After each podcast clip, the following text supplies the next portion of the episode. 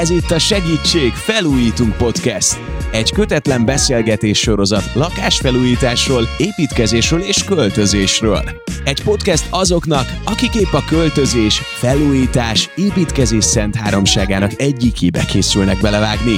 Akik előre szeretnék látni a teljes forgatókönyvet a sikerhez, illetve olyan személyeknek, akik a legújabb technológiákat és a környezet tudatosságot is figyelembe véve szeretnék tökéletesíteni otthonukat. Hiszünk benne, hogy a lakásfelújítás nem feltétlenül kell, hogy álmatlan éjszakákkal és stressztől hasogató fejfájással tarkított tortúra legyen. Segítség Felújítunk Podcast! Nyugalmat csempészünk a házalakításba!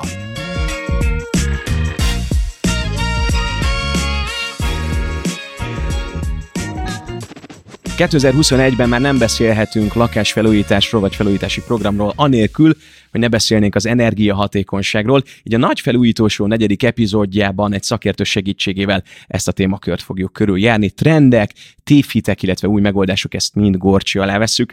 Hogyha energiahatékonyság, akkor mit is jelent ez pontosan? Hol fog ez megtérülni, ha megtérül egyáltalán? Mik azok, ahol nagyon sokat vesztünk, és miért lehet jó megoldás mondjuk egy készház? Ez mind ki fog derülni. Már is kezdünk, ez a Segítségfelújítunk podcast. Itt vagyunk ismételten Komáromi Gáborral, illetve vendégünkkel Nagy Tamással. Először egy kicsit beszéljünk arról, hogy ez már a negyedik epizód, hogy milyen érzések kavarognak benned így a podcasttel kapcsolatban. Milyen érzés volt mondjuk jönni erre az epizódra? Hát nagyon kíváncsi vagyok, nagyon nagy izgalommal várom ezt a témát, mert azt gondolom, ez egy hálás téma. Nálam is előkerült a felújítás során tavaly évben. Kíváncsi leszek, hogy mi lesz a mai nap tanulsága. Én uh, annak idején uh, gondoltam erről a témakörről egymást, és uh, hát most kíváncsi leszek, hogy jól gondoltam-e. Az előző három epizódból mondjuk volt olyan tanulság, amit így magaddal vittél, és mondjuk újat tanultál így a podcastben? Sok, sok tanulság. Teljesen megváltozott a szemléletmód. Hát egyrészt mai fejem már biztos nem vágnék bele. Másrészt én azt gondoltam, hogy nagyon sok mindent meg tudok csinálni, nagyon sok mindenben a szakember segítsége nem szükséges, nem fontos. És azt látom, hogyha én egyébként pont egy költséghatékony felújítást akarok csinálni, akkor lehet, hogy jobban jövök ki, hogyha különböző szakembereket bevonok, segítségüket kérem, nyilván kifizetem az ő bérüket, vagy az ő vállalási összegüket, de valószínűleg ez egy sokkal jobban menedzselhető, kordában tartható projekt lesz. Én is azt gondoltam hogy a YouTube-ról mindent meg lehet tanulni, és mindent meg lehet csinálni, hát de az elmúlt három epizódban kiderült, hogy ennek inkább neki sem állnék. Ugye magáról, hogyha podcastról beszélünk, tudtok bennünket hallgatni a Spotify és az Apple Podcastben, ez audio, tehát hogyha magatokkal vinnétek minket, akkor ez egy tök jó megoldás, de készül videófelvétel is, szóval ha szeretnétek nézni azt, hogy mi beszélgetünk itt, és hogy kik vannak a hangok mögött, akkor ezt a YouTube oldalon meg tudjátok csekkolni, tehát a BVT-nek a YouTube csatornáját keressétek. Na, és hogyha most már itt is vagyunk az energiahatékonyságon, akkor legyen szó arról, hogy pontosan ebben az epizódban mire, mi lesz így a gorcsó levéve. Energiahatékonyság, készházak és a víz szerepe az energiahatékonyságban.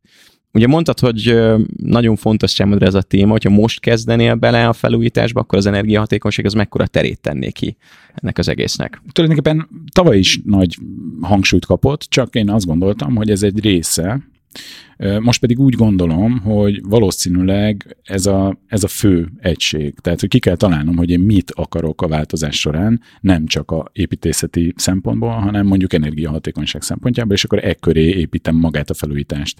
Volt olyan fontos dolog, ami, vagy volt olyan a felújításban, ami fontos volt számodra? Tehát, hogy mindenféleképpen úgy akartad megoldani, hogy ez mondjuk költségcsökkentő vagy hatékonyságnövelő legyen? Hát maga a beruházás is költségcsökkentő akart így ebben a felállásban lenni, nem az lett. Igen, a fűtési rendszer felújításomnál, tehát egy korszerűsítést kellett végrehajtanom, és ott nem volt mindegy, hogy, hogy milyen megoldást választok. Ezt szerintem ez ma ki fog derülni, hogy pontosan. Ez már kiderült a tavalyi évben, kíváncsi vagyok, hogy jól döntöttem el. Nagy Tamás van velünk a Vízió építészműhely részéről. Tamás, mit tudhatunk róla, mivel foglalkozol te pontosan? Sziasztok! Nekünk egy építész irodánk van, közel több mint 20 éve tervezünk már elsősorban családi házakat, 95%-ban családi házak tervezésével foglalkozunk, és többnyire energiatudatos tervezések ezek. 10-15-20 évvel ezelőtt még ilyen 300 négyzetméter nagyságú házakat kellett tervezni, most a, a munkánknak a nagy százaléka ez a 60 és 120 négyzetméter közötti családi házak. Összementek a családok, vagy mi történt? Hát inkább a költségek növekedése az, ami eredményezte ezt a négyzetméter csökkenést munkát kapcsán is muszáj az energiahatékonyságról beszélni, de te mondjuk mennyire vagy energiahatékony, hogy mik azok a dolgok, amire odafigyelsz akár a saját életedben is, hogy ilyen legyen? Hát a tervezés során mindenképpen nagyon oda kell figyelnünk az energiahatékonyságra. Egyrészt ez egy igény, tehát elég nagy igény az energiatudatos tervezés, és a, az energetikai törvények is afelé változnak, hogy egyre inkább a, hát idézőjebb a passzív házak közelébe kerülnek már az új épületek, sőt már a felújítások során is, hogyha törvény szerint is, hogyha 50%-nál nagyobb a felújítás, akkor már ugye figyelembe kell venni a, az új energetikai szabályozásokat is. A saját életemben hát próbálunk mi is energiatudatosan élni. Nem mondom, hogy mindig sikerül. Ezt, ahogy már beszélgettünk, a vízfogyasztásnál sem mindig sikerül. Mi tizen, több mint 15 éve építettünk házat magunknak, és akkor még nem volt ennyire előtérben az energiatudatosság. Utána kezdett bejönni a, a passzív házak, kezdtek bejönni, akkor még nagyon nehezen elérhetőek voltak azok a gépészeti rendszerek, amik ma már egy passzív háznál már szinte kötelező jellegűek, és így még hagyományos technológiával építettük a házunkat, hagyományos gépészettel. Amit egyébként nem bántam meg, mert ahogy most látom a gépészetet, gyakorlatilag olyan gyorsan változik a gépészet, mint ahogy a számítás technológia. Tehát nem tudnám megmondani, hogy mi az, amit hogyha most beépítek gépészetet, az tíz év múlva is megállja a helyét. Nekem, igen, ez lett volna nekem a kérdésem, rögtön felmerült, hogy amikor hazamegy a szakember, egy 10-15 évvel ezelőtt épült házat megnéz, akkor jó, jó szívvel tud rá tekinteni, de akkor ezek szerint nincs hiányérzeted.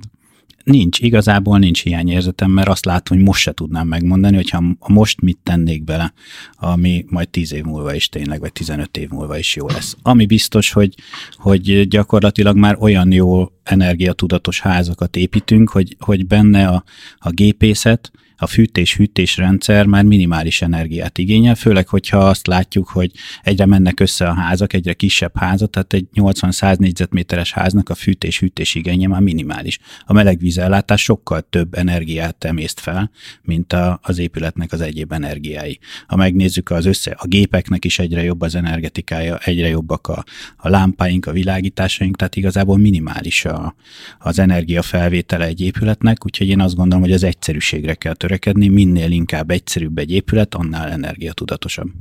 Nekem ez az energiahatékonyság akkor jött velem szembe, vagy akkor jöttem rá, hogy mennyit pazarlunk, hogy most egy ilyen istenháta mögötti kis területen próbáltam elrendezgetni a saját soraimat. Nincs áram, nincs víz. Jó, rakjunk oda egy lakókocsit, de akkor próbáljuk oda vinni az áramot, meg a vizet valahogyan, mondjuk napkollektorral vagy vízzel, és akkor tervezgetni azt, hogy mit rakunk, milyen fogyasztókat. És rá kell jönnöm, hogy például a fűtő az, az baromi sokat fogyaszt, tehát hogy így ezt egy napkollektorral például nem lehet egy ilyen kisebb szigetüzemű rendszerrel ellenpólusozni. Létezik mondjuk olyan megoldás, hogy hogyha mondjuk végtelen pénzem lenne, hogy egy olyan épületet hozzak létre, ami teljesen önfenntartó? Hát elméletileg megoldható, végtelen pénzből megoldható, bár nem vagyok benne biztos, hogy ez szükséges is, hogy ez a passzív házaknál is nagyon sokszor úgy van, hogyha szeretnék minősítetni egy passzív házat, akkor az, utolsó 300-400 watt az olyan sokba kerül, hogy már nem biztos, hogy van értelme beletenni még annyi pénzt, hogy, hogy tényleg átlépjünk a passzív ház kategóriába, ami havonta pár száz forint megtakarítást eredményez. Ugyanez igaz ez önfenntartó házaknál is, ahol teljesen önfenntartó, meg lehet oldani, nyilván, de ott rettenetesen nagy kompromisszumokat kell hozni, és az sem biztos, hogy, hogy működni. Mindenképpen bele kell tenni valamilyen kiegészítő energia ellátást. Ez egyébként kalkulálható? Tehát, hogyha én a beruházás előtt állok, akkor ti meg tudjátok mondani, hogy körülbelül milyen beruházási költséggel, milyen megtakarítást, vagy milyen havi költség, üzemeltetési költséggel kalkuláltok, és el tudom dönteni a beruházás előtt, hogy mi az, amit választok, vagy mi az a pont, ahol megállok? Igen, elméletileg ez teljesen jól kalkulálható, bár ugye nem egyformák a teleink, nem egyformánk a nyaraink, tehát hogy elég nehéz ilyen szempontból, de nagyjából lehet ezt kalkulálni. Nekünk a gépészeink, ők pontosan ki tudják számolni, és elé tudják tenni azt, hogyha ilyen fűtés van, ennyibe fog kerülni, ha olyan gépészeti rendszer, annyiba fog kerülni, ennyi a bekerülési költsége, és ennyi a fenntartási költsége. Tehát elméletileg ez kalkulálható, ha nem is teljesen forintra pontosan, de kalkulálható. Ugye beszéltek különböző megoldásokról, én úgy tudom, hogy az építőanyag fejlesztés is az életed része, tehát hogy voltak ilyen saját projektjeitok. Erről tudsz egy kicsit mesélni? Hát részt vettem több építőanyag fejlesztésben is, papírbeton fejlesztésben, meg nád építőanyag fejlesztésében is részt vettem. Alapvetően az a tapasztalat, hogy, hogy majdnem mindenből lehet egyébként eh, lakóházat építeni. Nincsen nagyon nagy jelentősége annak, hogy mi a, a felhasznált szerkezet, be kell tartani a rávonatkozó technológiai előírásokat, de azt néztük, hogy a szerkezetnek a, a bekerülési költsége az egész házra vetítve, tehát minimális, minimális különbség lesz párt, ha csak a falakat nézem, akkor pár százalék különbség lesz a végén. Tehát én azt gondolom, hogy a leg, költség és legenergiatudatosabb az, ez egy ilyen közhely, azt szokták mondani, hogy az a legolcsóbb energia, amit nem használok fel. Tehát, hogyha olyan házat építek, amire ténylegesen szükségem van, és pont annyi négyzetmétert, amire szükségem van, akkor én már környezettudatos voltam. De akkor mi határozza meg, hogy miből építek házat? Ki, mi, mi, dönt, mi, mi alapján dönthetem el? Ez egy belső megérzés szerintem, én azt gondolom, bár Magyarországon azért ragaszkodunk a, az én házam az én váramhoz, tehát hogy olyan stabil szerkezet legyen, ami tényleg nem megy át rajta az ágyugójó, de alapvetően bármiből lehet házat építeni. Most már Magyarországon is nagyon sok könnyű szerkezetes házat tervezünk és építenek, mert ez egy alternatív megoldás, és nagyon kevés a szakember, akivel meg lehetne építeni egy hagyományos technológiájú épületet. Tehát azt mondod, hogy akkor igazából bármiből építünk, az nagyságrendileg ugyanannyi összegre fog kiírni a végén. Tehát, hogy itt már csak a szívünk ugye az, ami választ ezek között, hogy miből legyen. Most nekem eszembe jutnak az amerikaiak, vagy, vagy nem tudom, vannak olyan országok, ahol tényleg ilyen szögbelővővel készítenek házakat, mi meg egy, akkor így ilyen bunkert akarunk építeni, vagy mi jellemzi a magyarokat? Hát ránk jellemző az, hogy, hogy nagy tömör felületek és nagy nehéz épületeket építünk. A világnak egyébként 80%-ában könnyű szerkezetes házakat építenek. Ez ránk jellemző, hogy nálunk megmaradt ez a tégla és a nehéz építőanyagokkal való építkezés. Mitől félünk jön a tornádó, vagy, vagy, vagy mik a legnagyobb félelmeink így az építkezés során, hogy miért kell ez a tégla? Igazából nem tudom, hogy miért maradt meg ez a magyar tudatban az, hogy minél tömörebb és minél szilárdabb, minél masszívabb legyen egy épület, de ez tény, hogy, hogy hozzánk is, akik bejönnek, azok vagy téglából építkeznek, vagy valamilyen egyéb ideológia alapján választanak épületet. Tehát nem azért választanak könnyű szerkezetes épületet, mert ők abban hisznek és azt gondolják, hogy az a jobb, hanem azért, mert azt hallották, hogy az olcsóbb, hogy az gyorsabb, ahhoz megvan egy teljes brigád, aki ezt fölépíti nekik, de ha választhatnának, akkor téglából építenének házat. Tehát akkor változtatni kellene egy kicsit a gondolkodásmódunkon. Ugye egy dolgot már mondtál, hogy kisebb négyzetméter bőven elég, hogy ne pazaroljuk el igazából se az építésből, se a később üzemeltetésből a négyzetmétereket és annak az energia felhasználását. Másrészt pedig akkor tényleg nyithatnánk mondjuk lazább rendszerek felé, vagy mondjuk könnyebb szerkezetek felé nyugodt szívvel, mert hogy itthon úgyse történik vele olyan, ami mondjuk az állagát bántaná én azt gondolom, hogy Magyarországon gyakorlatilag majdnem mindenből lehetne jó házat építeni. Mindenképpen minősített szerkezeteknek kell lennie, mert annak vannak meg azok a bevizsgálásai és azok a paraméterei, amikből tudunk tervezni. Hogyha ezek megvannak, akkor én azt gondolom, hogy nyugodtan lehet akár könnyű szerkezetes fém is. És hogy állunk a négyzetméterekkel? Tehát mm, ugye én egy építés előtt állok, honnan tudom én meg mm, állapítani, hogy mekkora házra van szükségem? Hát Kom- ez egy... Komfort, önmagában a komfort, vagy... Hát külön biliárdszoba, külön izé, igen, igen. moziszoba. Amit mind-mind ki kell fűteni. Hogy ez két, két dolog az igény, és hogy mire van, kö, mire van költségkeretem. Tehát én azt szoktam mondani, hogy onnan induljunk el, hogy mi az a pénzösszeg, amit ténylegesen rá szeretnék fordítani erre az építkezésre, mindennel együtt. Tehát, hogyha ha veszek egy telket, akkor az nem csak annyiból áll, hogy azt mondja egy kivitelező, hogy 300 vagy 400 vagy 500 ezer forint per négyzetméter bekerül egy háznak a felépítése, hanem van rengeteg egyéb költségünk, és van tervezés, ami nagyon drága, ugye? Van a kerítés, építés, térkövezni kell, kertet kell építeni, e, illetékeket kell fizetni, be kell rendezni azt a házat, konyhabútorokat kell építeni. Tehát egy csomó olyan egyéb költség van. És nagyon sok esetben tapasztalom azt, hogy abból indulnak ki az emberek, hogy van 40 millió forintom, azt mondta a kivitelező, hogy 400 ezer forint per négyzet, ó, akkor tudok egy 100 négyzetméteres házat építeni. Csak ott csúsznak el, amikor ott van a félkészen az épület, és azt veszik észre, hogy már kezd elfogyni a pénzük, most miből fogják befejezni az épületet, hogy lesz az teljesen lakható. És azt gondolom, hogy az marad el nagyon sokszor, hogy egy teljes kalkulációt csinálni erre a projektre. Hát alapvetően egy ember életének az egyik legnagyobb materiális dolga, azt, hogy otthon teremt magának, és gyakorlatilag már az elején tudjuk azt, hogy nem fogja tudni megcsinálni. Ez nagyon jó mondat. Ugye így jártam én tavaly egy felújítás során, hogy elköltöttem az alap büdzsém két és fél háromszorosát, pedig hát volt egy Excel táblám, vagy egy spirál fizetem, és volt benne költségkalkuláció, de nyilván rosszul. De ezek alapján azt mondhatjuk, hogy egy szakember, szintén, hogyha egy szakember segítséget kérem, akkor ez nem fordulhat elő. Tehát meg fogom kapni azt, hogy mennyiből, és azt is meg fogom kapni, hogy milyen hatékonysággal tudom fenntartani.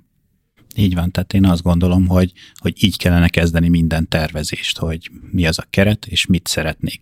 És az igényeket össze kell párosítani, rettenetesen sok kompromisszumot kell kötni a végén, mert egyrészt vannak előírások, amiket be kell tartani, van költségkeretem van, vannak szabályok, vannak igények, tehát egy csomó mindent be kell tartani, és abból lesz majd egy, egy olyan épület, ami ténylegesen nekem készül. Engem az érdekelne legfőképpen, hogy energiatakarékossági szempontból mondjuk vannak-e most trendek? Mindenképpen vannak trendek, elsősorban én legalábbis az a tapasztalatom a kisebb házaknál, elsősorban a tisztán elektromos fűtés felé megyünk napelemmel. Tehát, hogy most az a, az a trend, hogy napelemet teszünk föl a fűtési rendszernek. Hogy ez meddig lesz trend, ezt nem tudom, mert ugye most már kezdik mondani, hogy változni fog a napelemnek az elszámolási rendszere 2023 vagy 24-től, hogy pontosan hogy fog változni, ezt nem, nem tudom még, bár biztos megvan, de én még nem tudom pontosan, de nem biztos, hogy megéri majd a napelemet föltenni. Főleg azt gondolom, hogy ha, ha egy pici házról beszélünk, egy 80-100 négyzetméteres házról beszélünk, akkor, akkor gyakorlatilag annyira minimális az energiafogyasztása egy ilyen épületnek, hogy nem biztos, hogy megéri föltenni azt a napelemet. Én azt szoktam mondani, hogy meg kell, meg kell építeni az épületet, használni kell egy-két évig, és utána meglátjuk azt, hogy milyen, milyen az energiafogyasztása, és ahhoz kell majd föltenni, föltenni az alternatív energiákat. Ugye ez egy egyetlen probléma van, hogy a tisztán elektromos fűtéssel gyakorlatilag nem felülünk meg az energetikai előírásoknak. Főleg jövő évtől már megint változik az energetikai előírás, és 25% megújuló energiát energiát kell beletenni az épületbe. Ugye napelemről beszéltünk, de a napelem akkor ezek szerint csak egy ilyen menő dolog, nem? Mert ahogy mondtad, ez a megtérülés, ez egy nagyon fontos kérdés minden magyar esetében. Hogyha valamit csinálunk, akkor az térüljön meg. Tehát, hogy nekünk az egyen pluszos, vagy legalább kerüljön ingyenbe. Ez mennyire mondható el ezekről az energiahatékony dolgokról, hogy megtérül? Hát alapvetően, hogyha egy matematikai számítással kiszámoljuk, akkor biztos előbb-utóbb megtérül, ha, ha addig él az a rendszer és működik rendesen. De itt ugye a környezettudatosságnak azért van egy másik része is, hogy ezt mennyibe, mennyire környezetudatos az előállítása és utána a megsemmisítése. Hát most nagyjából 20 évre garantálnak egy napelemnek a, a tehát hogy meg, megőrzi a teljesítményét, vagy az élettartamát, és utána mit csinálok azzal a napelemmel. És hogyha bejön majd ugye a, a, ez a szabályozás, a napelemnek a szabályozás, akkor mindenki át, elkezd majd áttérni a szigetüzemmódra, ami viszont akkumulátorokat eredményez, ami szintén az akkumulátoroknak az előállítása, megsemmisítése megint egy elég környezetromboló dolog.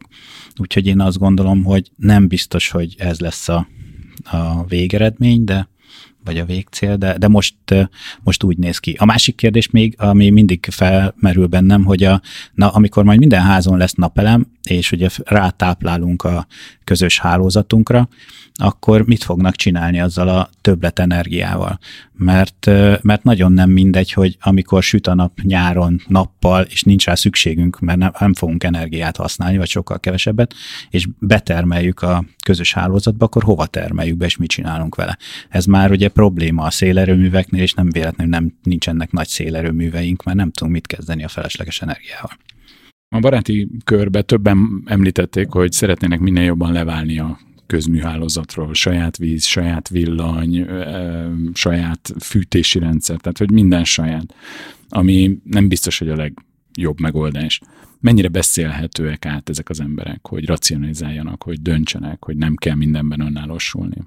Te, ti találkoztatok egyébként ilyen igényekkel? Persze, nekünk nagyon sokat, sok olyan igényünk van, ami ilyen környezettudatos igény, és Hát amikor ugye megtudják, hogy ezek mennyibe kerülnek, akkor azért elég sokszor változtatnak, mennyibe kerül egy szigetüzemmód, mennyibe kerül egy szürke víz visszaforgatása, akkor, akkor elég sokszor ezen szoktak változtatni ezeken az elképzeléseiken, de van, aki végigviszi, tehát hogy a költség a karbantartás is, meg azért az időnként előfordul, nem az ilyen energiahatékony módszereknél is. Így van, ezért szoktam mondani, hogy inkább az egyszerűségre kell törekednünk. Tehát én azt vettem észre, hogy ugye elindultunk mit tudom, 200 évvel ezelőtt, amikor át háromféle építőanyagból egy épület, volt benne egy kemenc, amit fával fűtöttünk, és gyakorlatilag ez volt az épületünk. Most meg ott tartunk, hogy, hogy csak a gépészeti rendszereink olyan bonyolultak, hogy, hogy ember legyen a talpán, aki ezt érti. És ugyanez igaz már a szerkezeteinkre, meg az építőanyagokra és az egyéb berendezéseinkre is. Tehát én azt gondolom, hogy eljött az az időszak, amikor elkezdünk visszafelé felé menni, és egyszerűsíteni kell az épületeket, mert muszáj.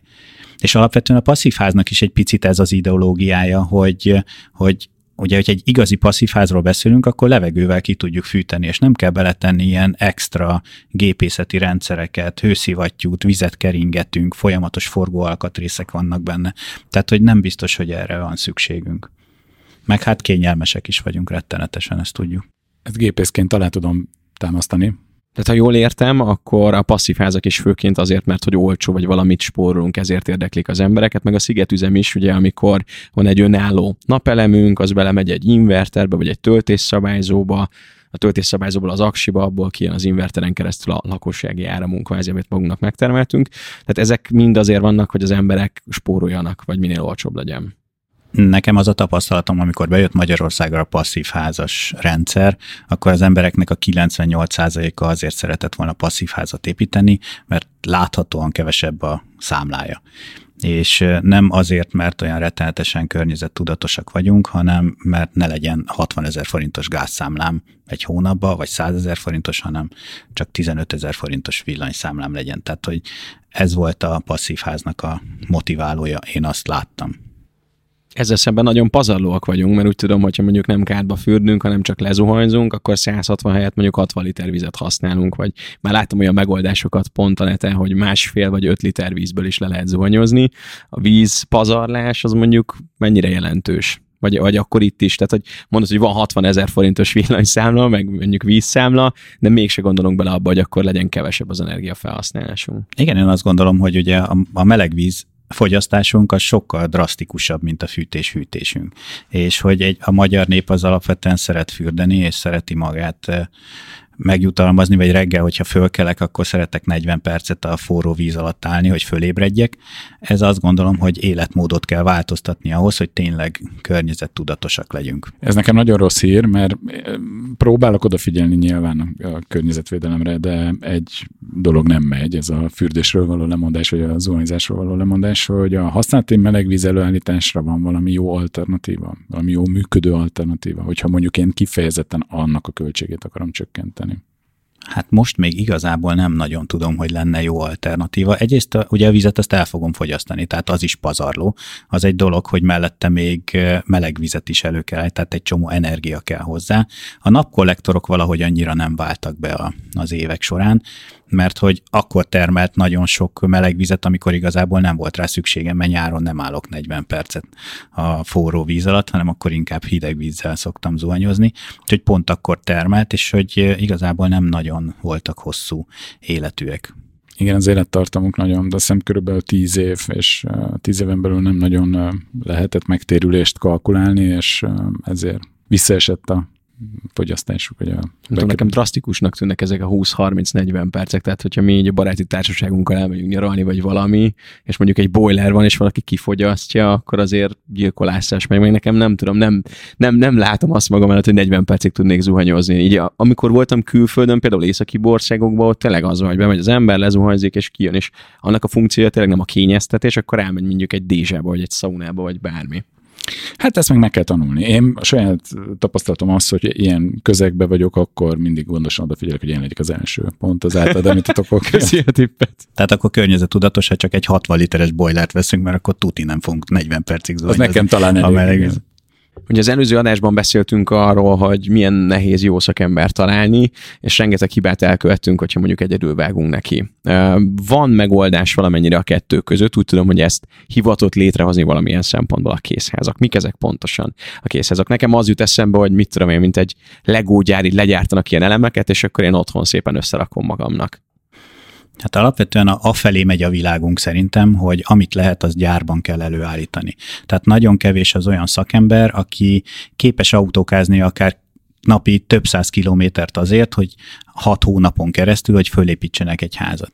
És én nekem az a gond, vagy az a gondolatom és az a trend szerintem, mert ha megnézzük a nyugati országokat, akkor ott már ez sokkal inkább előtérben van, hogy kiválasztanak egy katalógusból egy épületet, és az fixáron biztosan arra az időre, azzal a műszaki tartalommal meg fogják kapni. Mint egy autót, hogyha bemegyek, akkor, akkor ki tudom választani, hogy milyen autót szeretnék. Ugyanez a, ugyanez a trend lesz szerintem előbb-utóbb a, a, az épületeknél is. Magyarország egy picit lassabban, mert ugye nekem mindenképpen egyedinek kell lenni, és nehogy ugyanolyan legyen, mint a szomszédé, tehát hogy ezért ez egy picit nehezebben megy át a köztudatba, de az a tapasztalatom, hogy minél több mindent a gyárban kell majd előállítani. Ez egy új trend, vagy miért nem honosult ez meg ideig? Mert nagyon praktikusnak tűnik. Hát azért nem honosult meg, pont azért, mert hogy mindenki egyedi házakat szeretne, és és hogyha egyedileg tervezünk épületeket, akkor ez pont nem a készháznak a, az előnye. A készháznak az az előnye, egyrészt környezettudatos is, mert ugye sokkal kevesebb hulladékkal készül, ráadásul sokkal kevesebb szállítási költsége van, mert mindent a gyárban raknak össze, egyszerre kiviszik, és ott pár nap alatt összerakják ezeket a, az épületeket. És ellenőrzött körülmények között készül, föl tudom használni, ráadásul olyanok a tervek is, hogy, hogy a hulladék is minél kevesebb, mert pont akkorára gyártom az épületet, hogy ne kelljen levágni mondjuk a gipszkartonból, ne kelljen eldobni a, az OSB lapot, ne kelljen eldobni a szigetelő anyagokat. Tehát ilyen szempontból sokkal környezettudatosabb és sokkal költséghatékonyabb is ez az eljárás. Ezt akartam kérdezni, hogy praktikusnak tűnik, hogyha mondjuk maga a forma tetszik, és ki tudom választani, akkor talán pont emiatt hamarabb, és talán mondhatjuk azt, hogy kisebb költségben létre tudom hozni az épületet? A költsége azért az egy, az egy kérdés egyébként, mert hogyha ugyanazt beleteszem, mint egy lakóépületbe, ugyanazt a gépészetet, ugyanazt a hőszigetelő értéket, ugyanazokat a, az előírásoknak felelek meg, akkor, akkor nem biztos, hogy költséghatékonyabb, viszont ami biztos, hogy fix költsége lesz. Tehát nem az van, mint amikor tervezünk egy egyedi épületet, és azt mondja a kivitelező, hogy ez x millió forint, és azt tudja, hogy x-szer kettő lesz a végén, mert, mert egyedi háznál ez mindig így működik. Hogyha készházban gondolkozunk, akkor én kiválasztom, és hogyha rá van írva, hogy az x millió forint, az biztos, hogy annyiba fog kerülni, nem kerülhet többe. Ez igaz, amit a Bálint mondott, hogy Lego elemekből épül egy ház, tehát vannak elemek, és a helyszínen van összerakva. Hogy néz ez ki? Hát alapvetően mi most fejlesztettünk ki egyébként egy ilyen készházrendszert, ami háromszor hatos dobozokból rakjuk össze a, az épületet, és gyakorlatilag 99%-ban a gyárban elkészül maga az épület, még a konyha is benne van, és az összes burkolat, vizes blokkok, szaniterek, üvegpanelek, minden benne van, és kint a helyszínen egy-két nap alatt összeszereljük, akkor attól függ, hogy mekkora az épület. Így gyakorlatilag a megrendelőnek nincsen egyéb dolga, mint hogy a helyszínt kialakítani. Meg tudja csinálni a teljes kertet, befüvesítheti, fákat ültethet, bokrokat ültethet, a épületnek a helyét kell megcsinálnia, meg egy darunak kell egy helyet hagyni, és beemeli a házat. Tehát ezzel szemben, hogyha ha leforgatnék két videót, hogy hogy épül egy hagyományos épület, és hogy épül egy készházrendszer, akkor gyakorlatilag semmi nem történik a, a készház rendszernek a telkén, a másik ott folyamatosan nő a, a szemét, folyamatosan viszik el a, a hulladékot, az építési hulladékot, nyilván az épület is nő vele együtt, de az egyiken hat hónapig tart az építkezés, a másikon két napig. Tehát akkor, ha mondjuk én most felmegyek a netre, kitöltök egy űrlapot a weboldalatokon, hány nap múlva lesz ott a kész házam? Mert ilyen három hónapot olvasgatok. Igen, nagyságrendileg három hónap alatt készül el egy ilyen de akkor épület. már lakható kulcsra kész, minden Teljesen benne kulcsra van. kész. A mobil bútorokat kell hozni, és onnantól kezdve ez már működik.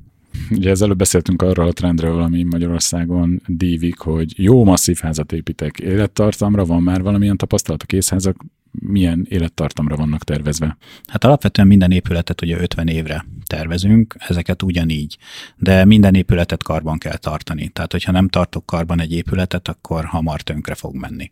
Mik ezek a karbantartások?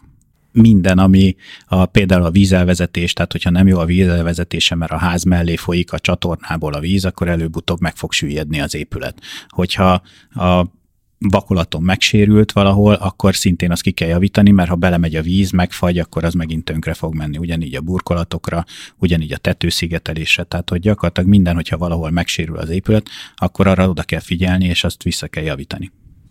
Engem az érdekelne, hogy ezek ilyen panelek akkor. Én olvasgattam most így különböző készház felépítési technikákban. Van olyan, amikor kiöntenek ilyen kvázi betonelemeket, vagy téglaelemeket pontosabban, tehát egy, egy panelre gondolunk, hogy miből van ez, tehát hogy van egy alapja, és akkor arra jönnek a különböző rétegek. Többféle ilyen készház vagy előre gyártott házrendszer van. Mi is többet tervezünk ilyen Liapor technológiával is, ami ilyen előre gyártott könnyű beton falpanelek. Ott ugye a, ott a falpanel gyártják le előre, amiben benne van már a, a villany vezetéknek a helye, meg a gépészetnek a helye, és gyakorlatilag a falakat rakják össze, ott annyi, hogy a szerkezetet összeépítik körülbelül egy hét alatt, tehát a tetővel mindennel együtt egy hét alatt összeépítik. A másik, amit mi csinálunk, az gyakorlatilag teljesen fúra, teljesen készre, kulcsra készre készítjük az épületet, majd, hogy nem a gyárba. Tehát több ilyen, ilyen készültségi fog függőek ezek a készházak. És méret tekintetében, tehát melyik a legkisebb négyzetméter alapterület, és mi a legnagyobb? Vagy lehet-e mondjuk bővíteni, miután kialakítottuk?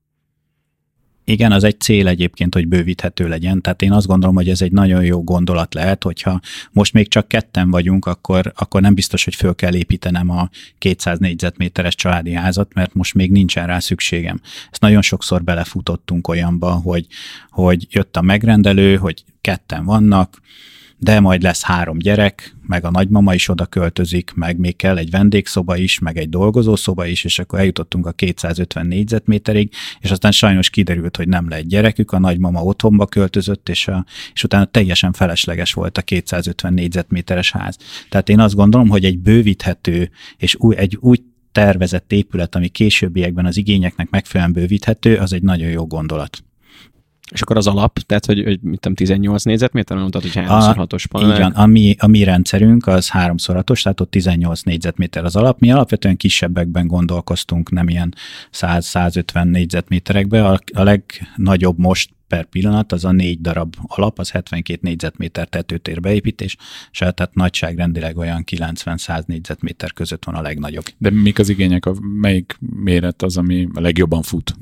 Hát most a, a kisebbek egyébként, mert most nagyon sokan vesznek ilyen nyaralónak második lakásnak a Balatonon, vagy Szőlősbe fönt, vagy egyéb helyeken ilyen kisebb, ilyen 30-40 négyzetméteres kis nyaralókat, abból most elég sok igény van. És energiahatékonyság szempontból, ugye mondtad, hogy ilyen kvázi új technológiákat építetek be, hogy mondjuk az, az megtartja a hőt, vagy, vagy mondjuk milyen energiahatékony megoldásokat tudtok beleépíteni alapvetően megfelel minden energetikai előírásnak, amit, aminek egy lakóépületnek meg kell felelnie.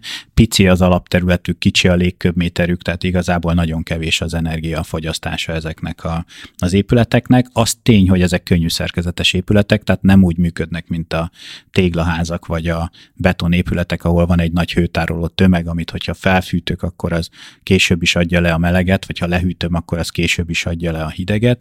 Tehát ez könnyű szerkezetes, oda kell figyelni arra, hogy nyáron, ha 40 fok van, és kinyitottam a nagy teraszajtót, és bejön a 40 fok, akkor azt utána valamilyen aktív hűtéssel le kell hűtenem.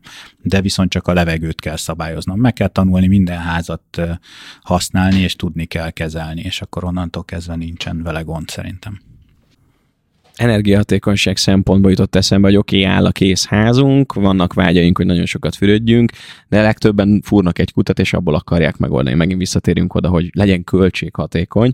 És vannak ugye különböző eljárások, amivel kell tisztítatni a kútvizet, fel lehet használni a szürkevizet. Ebben tudsz nekünk segíteni, Gábor, hiszen ez a te szakterületed. Hát napi szinten keresnek meg, főleg olyan házak, ahol van kert, adódik rögtön a lehetőség, fúrok egy kutat, és akkor azt a vizet föl tudom-e használni használati vízre, ha nem tudom felhasználni használati vízre, föl tudom-e használni szürke vízre. Minden felszíni vizet be kell vizsgálni, minden furtkut vizet be kell vizsgálni. Ez az első. Azt fogja meghatározni, hogy egyáltalán föl tudom-e használni, és ha föl tudom használni, milyen megoldás, milyen technológia kell, hogy tisztítsam. És hát a tapasztalatom az, hogy az elmúlt években, az utolsó évtizedben azt tapasztaljuk, hogy igazából ezeknek a furt vizeknek a felhasználása tulajdonképpen majd, hogy nem szürke víz felhasználásra sem alkalmas. De víz nagy hatalom vagyunk, nem? Vagy... Hát mennyiségileg egész biztosan a minőség az már kérdőjeles. Ugye azt tudjuk, hogy víz nagy hatalom vagyunk, de azért ma már azt is tudjuk, hogy ez azért így ebben a formában nem igaz. Tehát na, van víz a víznyerő rétegekben, de a minősége az eléggé kérdéses.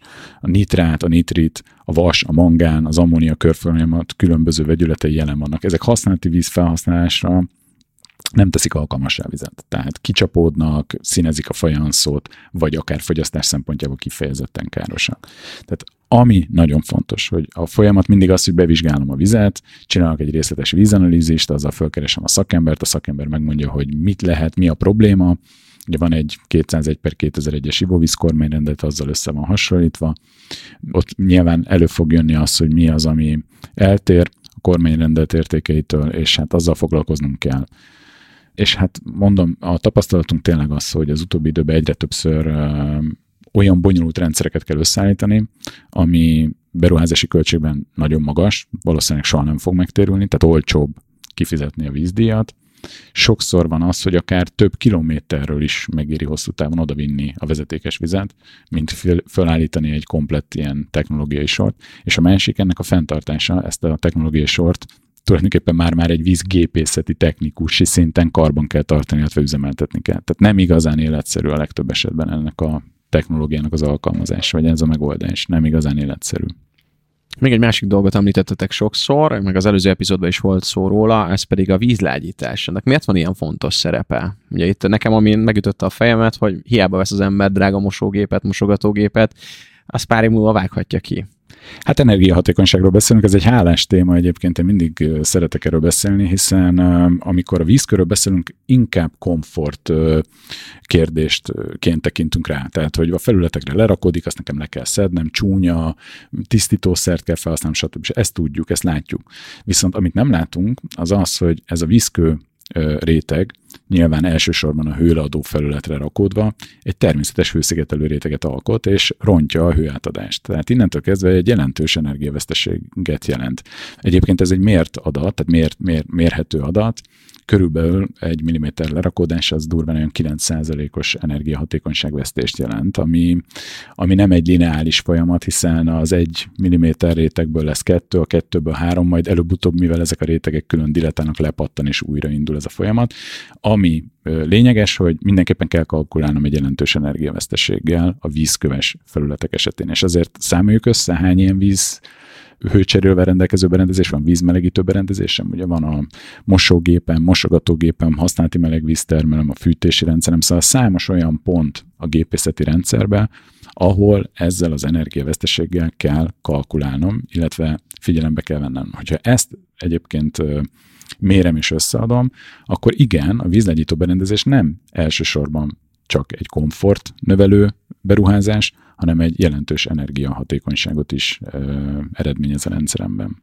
Nekem most úgy hangzik, mint hogyha ez az egyik legköltségkímélőbb dolog lenne, amit magunkkal végezhetünk, mert hogy hamar megtérül, és közben meg nem verjük magunkat egy csomó karbantartási költségbe, ha a drága gépekről vagy a rendszerünkről beszélünk. Hát, költségkalkulációt nézzünk, akkor bizony számos divatosnak mondható energiahatékonysági beruházást meg tud előzni. És mi a helyzet az esővízgyűjtéssel? Mert hogy az is egy ilyen népszerű dolog, hogy ugye a legelső felhasználás az az, hogy mondjuk öntözzük a növényünket, de vannak, akik azt mondják, hogy az esővíz az, az ugye lágy, és akkor, ha ezt visszavezetjük valahogy az épületbe, akkor mondjuk a mosógépnek az jót fog tenni. Ez praktikus, de nyilvánvalóan ö, ehhez kell egy puffer kapacitás, tehát tárolni kell a, a, ezt a csapadékvizet. Ugye azért Magyarországon elég hektikus a csapadék, van, amikor nagyon sok esik, van, amikor meg nagyon sokáig nem esik. Tehát meg kell jól választani azt a tárolókapacitást, amivel gyakorlatilag én ki tudom szolgálni a, az igényeket. Az biztos, hogy ennek a hektikusságnak köszönhetően mindenképpen kell alternatív víznyerő forrással is gondolkodni, mondjuk például hálózati vízbekötésben. Ez volt a Nagy Felújító Show, vagyis a Segítség Felújítunk podcast negyedik epizódja. Gondoljuk végig a szükségleteinket, talán ez a legfontosabb energiahatékonyság szempontjából, és a kevesebb néha több, tehát nem kell 300 négyzetméteres kacsálából forgó kastélyokat építeni betonvárként, mert vannak már tök jó megoldások, amik nem csak hogy energiahatékonyabbak, hanem tényleg már a költségbekerülési oldalán is segítenek nekünk. Illetve hát ugye ne csak a megtérülés számítson, ez nagyon fontos, Tamás, azt mondtad. Igen, én azt gondolom, hogy de alapvetően a megtérüléseket mindig a gépészeti rendszerekre szoktuk számolni, gyakorlatilag másra nem nagyon. Tehát so, soha nem szoktuk kiszámolni, hogy mondjuk a, a fal szerkezetnek, az üvegszerkezetnek, az egyebeknek mi a megtérülése. Mindig csak a gépészetet szoktuk számolni igazából, és én azt gondolom, hogy az otthonteremtés a legfontosabb. Tehát én azt gondolom, hogy én jól érezzem magam abban a házban, és ne én legyek a háznak a kiszolgálója, hanem a ház szolgáljon ki engem. És ezt kell elsősorban szem előtt tartani, és ami fontos, hogy addig nyújtózkodjunk, ameddig a takaron kér szerintem. Hát a naptanulsága számomra egyértelműen az, hogy nem csak a, a rendszereket kell jól kiválasztani, és nem mindent a rendszerre kell bízni. Egy kicsit nekünk is a szemléletmódot kell változtatni, és nekünk is oda kell figyelni arra, hogy minél energiahatékonyabbak legyünk a rendszer alap rugója tehát akkor az ember. Kövessétek a podcastet az Apple felületein, a Spotify-on ugye podcastként, illetve a BVT YouTube csatornájában videón is megtaláltok bennünket. Egy hónap múlva pedig egy újabb epizóddal várunk titeket. Nagy Tamásnak köszönjük, hogy itt volt, Komáromi Gábornak pedig köszönjük, hogy itt voltál, és akkor egy hónap múlva. Rendben. Köszönöm.